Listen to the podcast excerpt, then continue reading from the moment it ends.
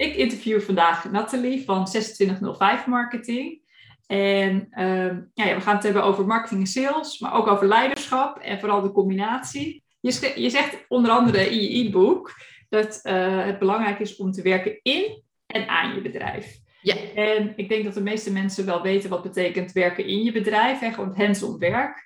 Ehm, en jouw stelling en je quote is eigenlijk dat we te weinig aan ons bedrijf werken. Kun je daar iets over vertellen? Ja, nou, wat ik heel erg interessant vind altijd bij de klanten waar ik mee werk, is dat um, uh, als we gaan afpellen waarom men op dat moment bijvoorbeeld worstelt met de groei van de organisatie. Er zijn bepaalde doelen gesteld en, en nou ja, men wil gaan groeien.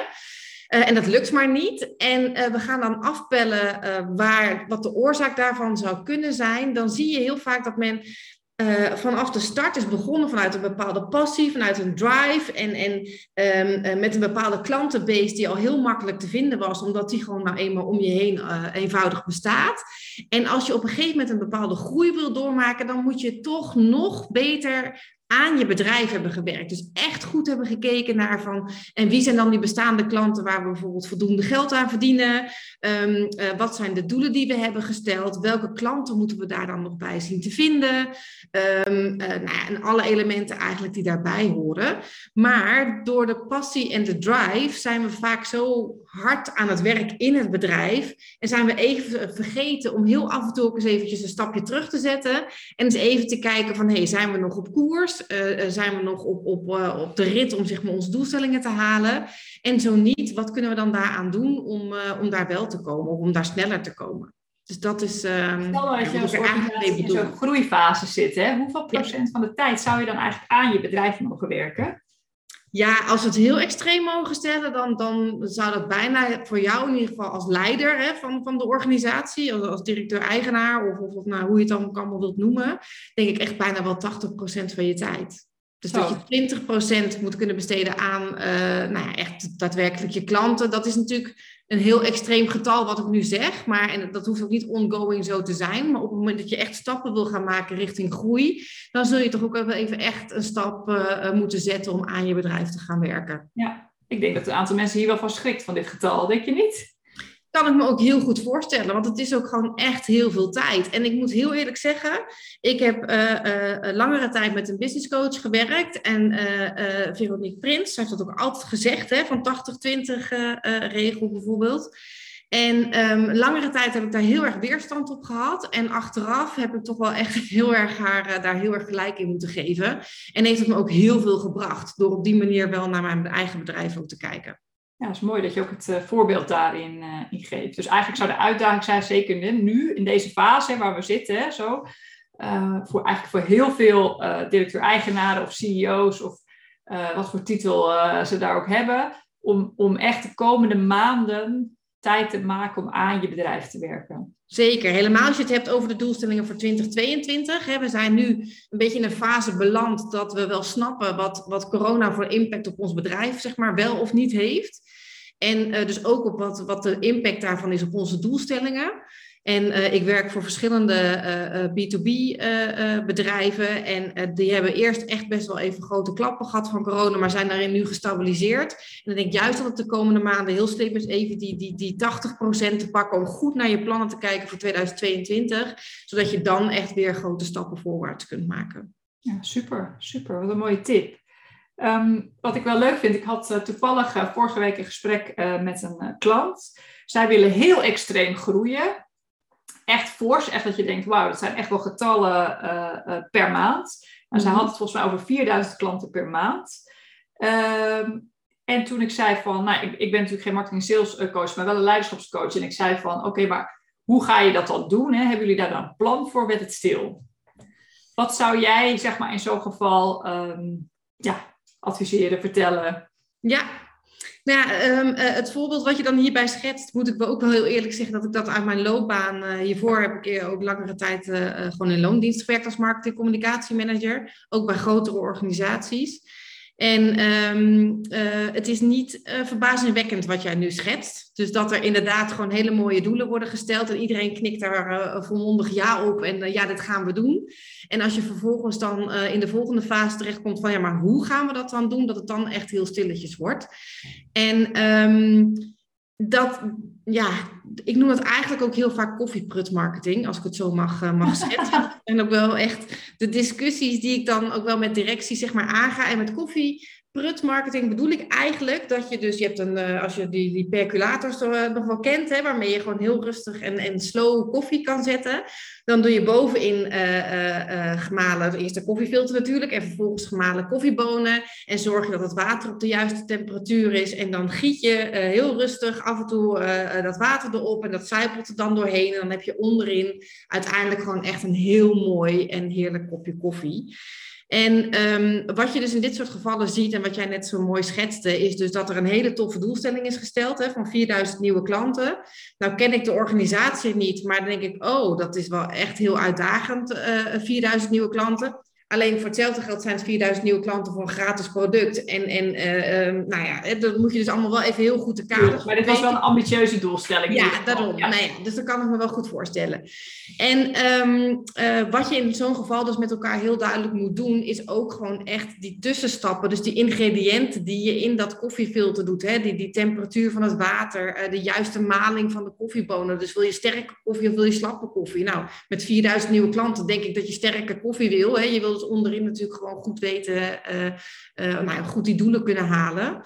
Um, dus zorg dan met elkaar dat je de juiste ingrediënten daarin stopt en de juiste temperatuur van het water erop giet en dat je dan uiteindelijk onderaan de streep gewoon met een mooi resultaat ja kunt zeggen. Maar door alleen maar met elkaar heel erg duidelijk ja te knikken tegen één doelstelling, dat is die 4000 klanten, daar zitten nog wel wat stappen boven. Ja. En wat zouden zeg maar de drie belangrijkste ingrediënten zijn voor deze sterke koffie? Nou ja, als ik hem terug mag pellen naar boven, dan uh, is het wat mij betreft in eerste instantie ook dat je weet van voor 4000 nieuwe klanten, hoeveel kopjes koffie moet ik daar überhaupt voor drinken hè, om bij die 4000 te komen. Want 4000 nieuwe klanten betekent dat je misschien wel 12.000 mensen moet interesseren überhaupt om met je product aan de slag te gaan. Ja als je daarna nog weer een stap met elkaar naar boven gaat, ga je ook nog eens even heel eerlijk kijken van en hoe komen we dan überhaupt tot zo'n koffie, koffieafspraak? Hè? Dus hoeveel mensen hebben we voor dat stukje hebben we nodig? Nou, dat kunnen er misschien wel 36.000 zijn. Ja. En um, alles is natuurlijk afhankelijk van uh, hoe succesvol je bent binnen die stappen. Dat noemen we op marketingvlak conversieratio's. Hè? Dus ieder dingetje heeft een percentage. En helemaal bovenaan de streep moet je gewoon weten hoe groot is je doelgroep überhaupt. Want stel dat jij 4000 nieuwe klanten wilt bereiken, maar de totale groep aan klanten is maar nou ja, 24.000 of zo. Ja. Uh, de, de, de, totale groep die überhaupt interesse zou kunnen hebben voor jouw product. Dan wordt het heel uitdagend en zul je dus echt die allerbeste ingrediënten erin moeten gooien. Om te zorgen dat je onderaan de streep dat doel gaat halen. Ja, ik vind het wel een mooie vergelijking met die koffie inderdaad. Want uh, ja, dan als jouw ideale doelgroep slappe koffie drinkt, hoef je natuurlijk niet meer sterke koffie aan te komen. En ja, dat is ook nog eens een keer een hele goeie. Ja. Dus dat zijn echt van die dingen die moet je gewoon even goed met elkaar uh, uh, afstemmen. Ja. Hey, en stel je voor hè, dat ik uh, een commercieel directeur ben of, of CEO en ik heb echt een, een, een, een ehm, ja, dus een, bepaalde visie op marketing. Hè? Dus, dus nou ja, alle wat jij nu zegt, ik heb de ingrediënten helder. Ehm, en ik wil daar graag over communiceren in mijn, uh, in mijn organisatie en in mijn uh, team. Maar ik merk dat er gewoon uh, ja, toch moeite heb om de mensen mee te krijgen. Dat is in ieder geval wat ik heel vaak bij mijn klanten hoor. Van, ik heb een wat andere visie, wat andere kijk. Ehm, en ik vind het wel moeilijk om de, om de mensen mee te krijgen. Wat zou jij daarin adviseren? Nou, kijk, in die zin ben ik natuurlijk geen leiderschapsexpert. Hè. Ik kan puur echt spreken uit datgene hoe ik het uh, altijd eigenlijk aanpak of wat ik zie met klanten en wat we op dat moment dan natuurlijk met elkaar bespreken. En dat is toch in mijn geval voor, de, voor dit stukje toch eigenlijk altijd wel weer eventjes met elkaar naar die tekentafel. En je team laten zien van welke ingrediënten hebben we allemaal. Waar zeggen we ja tegen, waar zeggen we nee tegen. En um, vooral die is ook echt heel erg belangrijk. Hè? Dus marketing-wise, welke dingen doen we niet? Want soms denken mensen bijvoorbeeld, we moeten alle kanalen inzetten. We moeten op TikTok zitten en op LinkedIn en op Instagram. En, op... en dan uiteindelijk verzuipen ze volledig in dat hele veld van, van communicatiemiddelen eigenlijk. En gebeurt er onderaan de streep niet zoveel. Dus even een voorbeeldje waar je nee tegen zou kunnen zeggen. Mooi. Um, en dan heel duidelijk met elkaar benoemen van en waar zeggen we met elkaar dan ja tegen? Want ik ben nog wel eens tegengekomen dat een directeur dan heel enthousiast is over het hele plan. En vervolgens al begint door te denderen en met de karavaan uh, op pad gaat. En de karavaan weet eigenlijk helemaal niet zo goed waarvoor ze nou mee moeten lopen. Ja.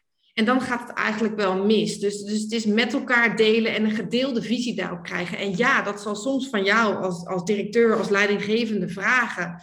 Dat het iets afwijkt van hoe jij het graag zou willen. Maar ik, ik geef je ook echt wel op een briefje. Dat door het op die manier aan te pakken, je uiteindelijk wel de organisatie tien stappen sneller meekrijgt. Want anders heb je altijd later in het proces nog weer weerstand. En die wil je niet. Weet je, je wil gewoon met elkaar aan dat gezamenlijke doel werken. En eigenlijk is het ook wel weer mooi, het sluit weer aan bij wat jij eerder ook, uh, jouw stelling is, werk aan je bedrijf. En daar is dit natuurlijk ook een onderdeel van. Hè? Ja. Dus, dus Heldere kaders stellen. Waar ben je wel voor verantwoordelijk? Waar ben je niet voor verantwoordelijk? Weet je, als jij aan iemand uh, marketing vraagt, dan ben je niet in alle gevallen ook verantwoordelijk voor alle huisstijluitingen bijvoorbeeld. Maar soms, als je die lijnen niet duidelijk hebt gesteld, gaan mensen dat wel continu overal van elkaar wat van vinden. En op het moment dat je gewoon heel duidelijk met elkaar afstemt, die is daarvoor verantwoordelijk en die is daarvoor verantwoordelijk. Dat geeft ook gewoon zoveel meer helderheid en rust binnen, binnen een bedrijf. En wat ik nu schets, dat lijkt alsof ik het heb over hele grote organisaties, maar dat hoeft niet. Hè? Uh, ook klanten waar met, met, met 15 uh, medewerkers kunnen dit soort dingen ook heel goed spelen. Absoluut. En um, is het ook zo van belang om het gewoon. Uh... Juist, dit soort kleine organisaties zijn die lijnen misschien nog, nog wel troebeler ja. over wie daar ja. verantwoordelijk voor is. Maar ook daar inderdaad um, wordt het ook over, soms overgeslagen. Dus inderdaad, het maakt eigenlijk niet eens uit. Nee. het is denk ik een beetje type mensen die daar verantwoordelijk voor is. Ja. Um, wat ik natuurlijk super tof vind, is dat jij het uh, ook hebt in jouw uh, uh, e-book over authenticiteit. Ja. Um, dat is natuurlijk een, een, thema wat wij delen. Jij authenticiteit in marketing, ik authenticiteit in leiderschap. Wat zie jij nou als allerbelangrijkste voordeel om op een authentieke manier je marketing neer te zetten? Nou, ik denk dat we uit een tijd komen waarin uh, we heel veel hebben geleerd hoe marketingtrucjes uh, werken. Hè? Uh, de porters van deze wereld. Nou, we kunnen allemaal wel die marketingboeken natuurlijk allemaal zo mooi opnoemen. Daarin zitten hele businessmodellen, hele marketingmodellen. En, en die werken fantastisch. Laten we dat vooropgesteld hebben. Want dat zijn echt wel mensen met kennis van zaken. Uh, vervolgens is daar een hele periode techniek overheen gekieperd. Hè? Dus data verzamelen. En, en we gingen heel erg op data sturen. En we gingen heel erg met data dingen bepalen. En, en, en, en uitingen uh, uh, maken richting klanten. Is ook een tijdje heel erg succesvol geweest. Vooral om de massa natuurlijk bijvoorbeeld te kunnen bereiken. Ja. En ik denk juist, en dat is ook echt wel een van, van mijn missies, dat we nu in een tijd terechtkomen waarvan we, ja, we weten welke marketingmodellen er zijn. Ja, we weten welke er goed werken. Laten we ze alsjeblieft ook gewoon toepassen en gebruiken, want daar is niks mis mee. Uh, ja, we kunnen heel veel in onze datasystemen zien. Hè? Als we het zelf hebben, jij en ik als ondernemers, kunnen we in onze mailsystemen al heel veel zien van hoeveel uh, onze mailings worden geopend, door wie. We kunnen zelfs vaak ook terugzien hoe vaak iemand onze mail heeft geopend. Dus welke onderwerpen ze heel interessant vonden. Super tof. Um, maar laten we nu ook vooral weer teruggaan naar die menselijke aspecten die we hebben allemaal. Jij en ik als ondernemer, maar ook gewoon de ondernemers die, die aan het roer staan van een bedrijf. En laat vooral zien waar jij voor staat en waar jouw bedrijf voor staat. En ja, dat betekent dat je soms afwijkt van de massa. En hoe geweldig is dat, dat je daarmee dus ook meer klanten op jezelf aantrekt. En op jezelf of op je bedrijf aantrekt. Door veel duidelijker stelling te nemen, neem je absoluut afscheid van klanten of potentiële klanten. Maar er komt echt zoveel moois voor terug. En dat vind ik nog echt wel. Um, het is ook een van mijn eigen meest spannende dingen geweest hè, om, om daarin te kiezen. En, um, maar het heeft ook echt heel veel opgeleverd. En dat is ook wat ik bij heel veel van mijn klanten natuurlijk terugzie als wij die trajecten ingaan. En als we natuurlijk gaan werken met de methode zoals ik dat dan toepas. En, en de stappen die wij dan met elkaar doorlopen. En uiteindelijk zie je dat gewoon door authentiek te zijn. Dus door gewoon te durven kiezen wie jij als bedrijf bent of waar je met elkaar voor staat. Dan word je zoveel zichtbaarder voor juist die ideale klant van jou. Waar je gewoon heel blij van wordt. Ja. En ik, als ik dan mag terugbellen naar jou, denk ik dat dat in leiderschap volgens mij uh, ja, niet heel veel anders is. Nee, klopt. Maar, en, en, soms dus ook wel heel spannend, hè? Want authentiek is natuurlijk echt. En uh, ja. geen masker en geen sausje meer overheen, waar je dan nee. achter kan verschuilen. Dus, um, dus daarmee ook soms gewoon spannend. Ja, absoluut, absoluut. En daar kunnen we ook nog hele bomen over opzetten. Hè? Als je kijkt hoe daar natuurlijk op social media op wordt gereageerd, gaan we nu gewoon even vooral niet doen. Um, um, maar ik, ik, ik denk dat overal een middenweg in is te vinden. En ik vind dat nu soms dingen veel te ver zijn doorgeschoten in modellen en in, in, in ja. berekeningen. En dat daar gewoon echt een, een, stukje menselijke maat in terug mag. En dat, dat is wat en, Waar we het al in ons voorgesprek ook over hadden, dat je dus ook ziet als het heel menselijk is, dat je daarmee ook Ehm, misschien niet alleen klanten aantrekt, maar ook leveranciers die bij je passen. Of misschien mensen die graag voor je bedrijf willen werken. dus dat het ook daar wel wat side effects in heeft. Zeker, zeker. En dat is dus ook zo van belang om met je, eh, vanuit jezelf als ondernemer, maar ook vooral met je team, dus ook die kernwaarden met elkaar af te spreken. Dus waar staan wij voor? En dat hoeft geen hele lijst met twintig dingen te zijn waar je voor staat, maar pak een top vijf hè, met, met een aantal kernwaarden die voor jou als organisatie onwijs belangrijk zijn. En laat die terugvoelen in alles wat je doet. Dus als jij zegt van wij zijn persoonlijk, dan is het natuurlijk heel apart als je in de U-vorm blijft communiceren en heel uh, geachte heer en uh, weet je zo, dat is een beetje gekkig, want het voelt niet echt persoonlijk. Maar selecteer daar dan dus ook eens inderdaad je leveranciers op. Weet je, hoe werken die met, met mij als klant? En hoe, um, nou ja, uh, als, als je het hebt over daadkracht of als je het hebt over, nou, zo kan je natuurlijk allerlei kernwaarden echt wel afstemmen.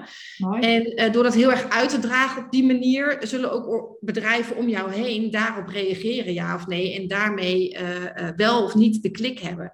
Ja. En um, Um, door juist op een hele uh, consistente manier naar buiten te treden, word je heel duidelijk en herkenbaar. Zowel voor leveranciers, maar ook voor potentiële mensen die bij je willen werken. En dat wordt soms nog echt wel eens vergeten. Van ja, maar onze website is niet voor nieuw personeel. Totdat er bijvoorbeeld een nieuw personeelslid moet komen en er opeens een, uh, wel een pagina is van dan kom bij ons werken. Weet je, en de andere tijden is die weg bijvoorbeeld.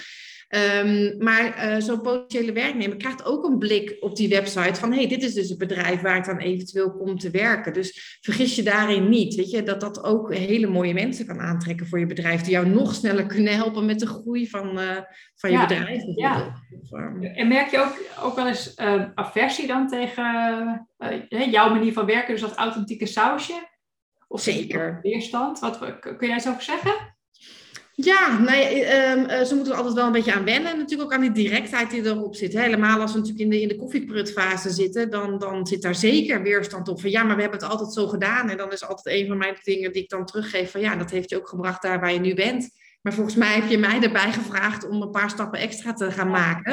En dat betekent dat je dus ook een paar stappen extra uit je comfortzone zult moeten om het op een andere manier te gaan doen. Ja, dus, um... ja, dus daarin is die confrontatie natuurlijk, hè? Omdat, het, omdat het over authenticiteit gaat. En als je dan bijvoorbeeld hè, de commercieel directeur bent en, en je hebt net gezegd dat uh, uh, persoonlijk een kernwaarde is van de organisatie, dan zul je zelf in je gedrag en in alles wat je doet ook dat moeten laten zien natuurlijk. Dus daar zit natuurlijk een enorme spiegel in.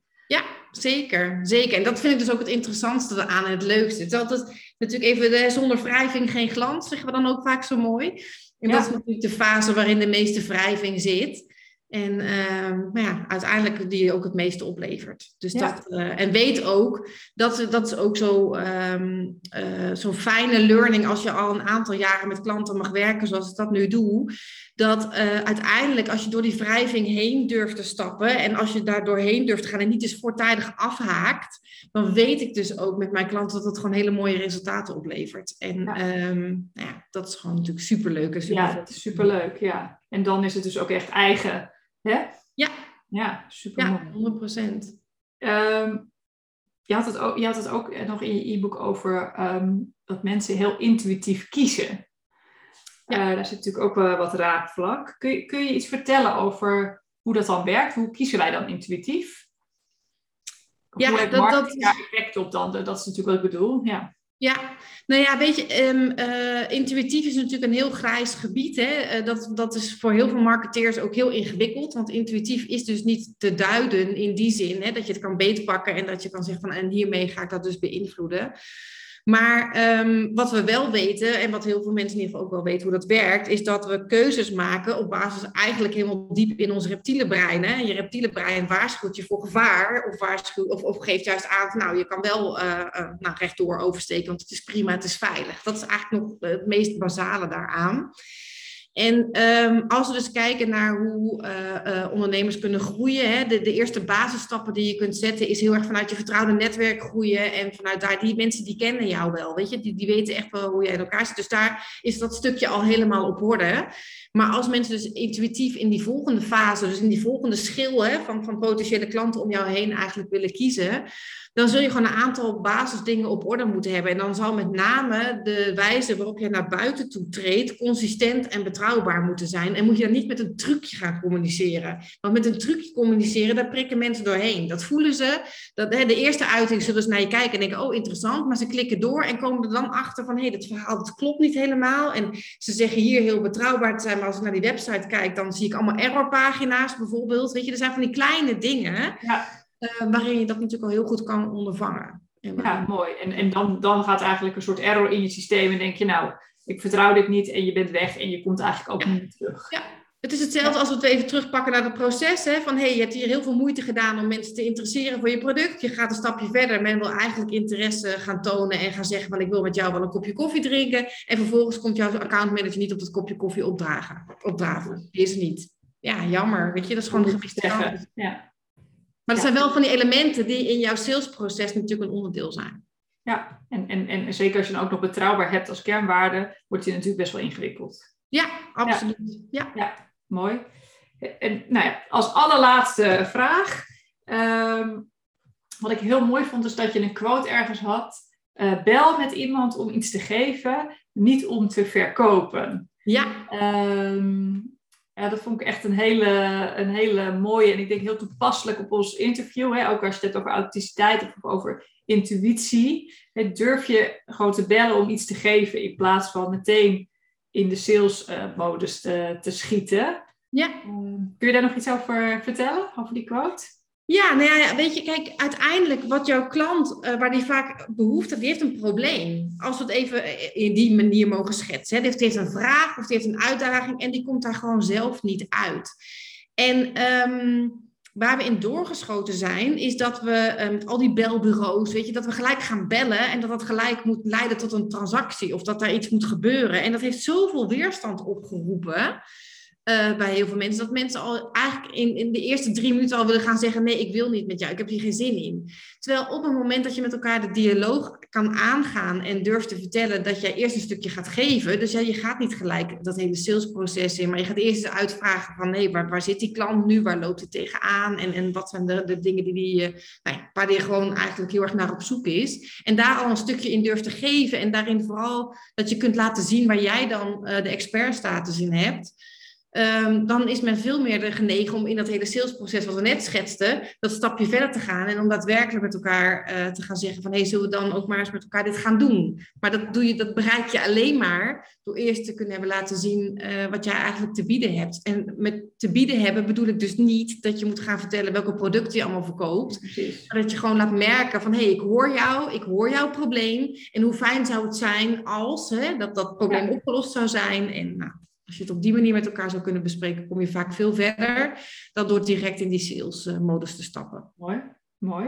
Nou, en, en, dat is dus ook wat we hier proberen, toch? Iets te geven, mensen te inspireren, mensen te laten nadenken over marketing en sales, maar ook hè, eh, in, je, in je leiderschap die je daarin hebt te pakken. Ehm, en ik, nou, ik wil je heel erg bedanken voor het interview. En ehm, voor mensen die hier veel meer over willen uh, weten, download het e-book. Ik vond het echt heel inspirerend om te lezen. Dankjewel. Um, ik zou zeggen, download het vooral. De download-button staat uh, hier uh, bij het interview. En, uh, en dan leer je veel meer over marketing en sales via een authentieke manier. Ja, super. Jij ook heel erg dank, Arianne. Graag gedaan. We spreken elkaar weer. Zeker.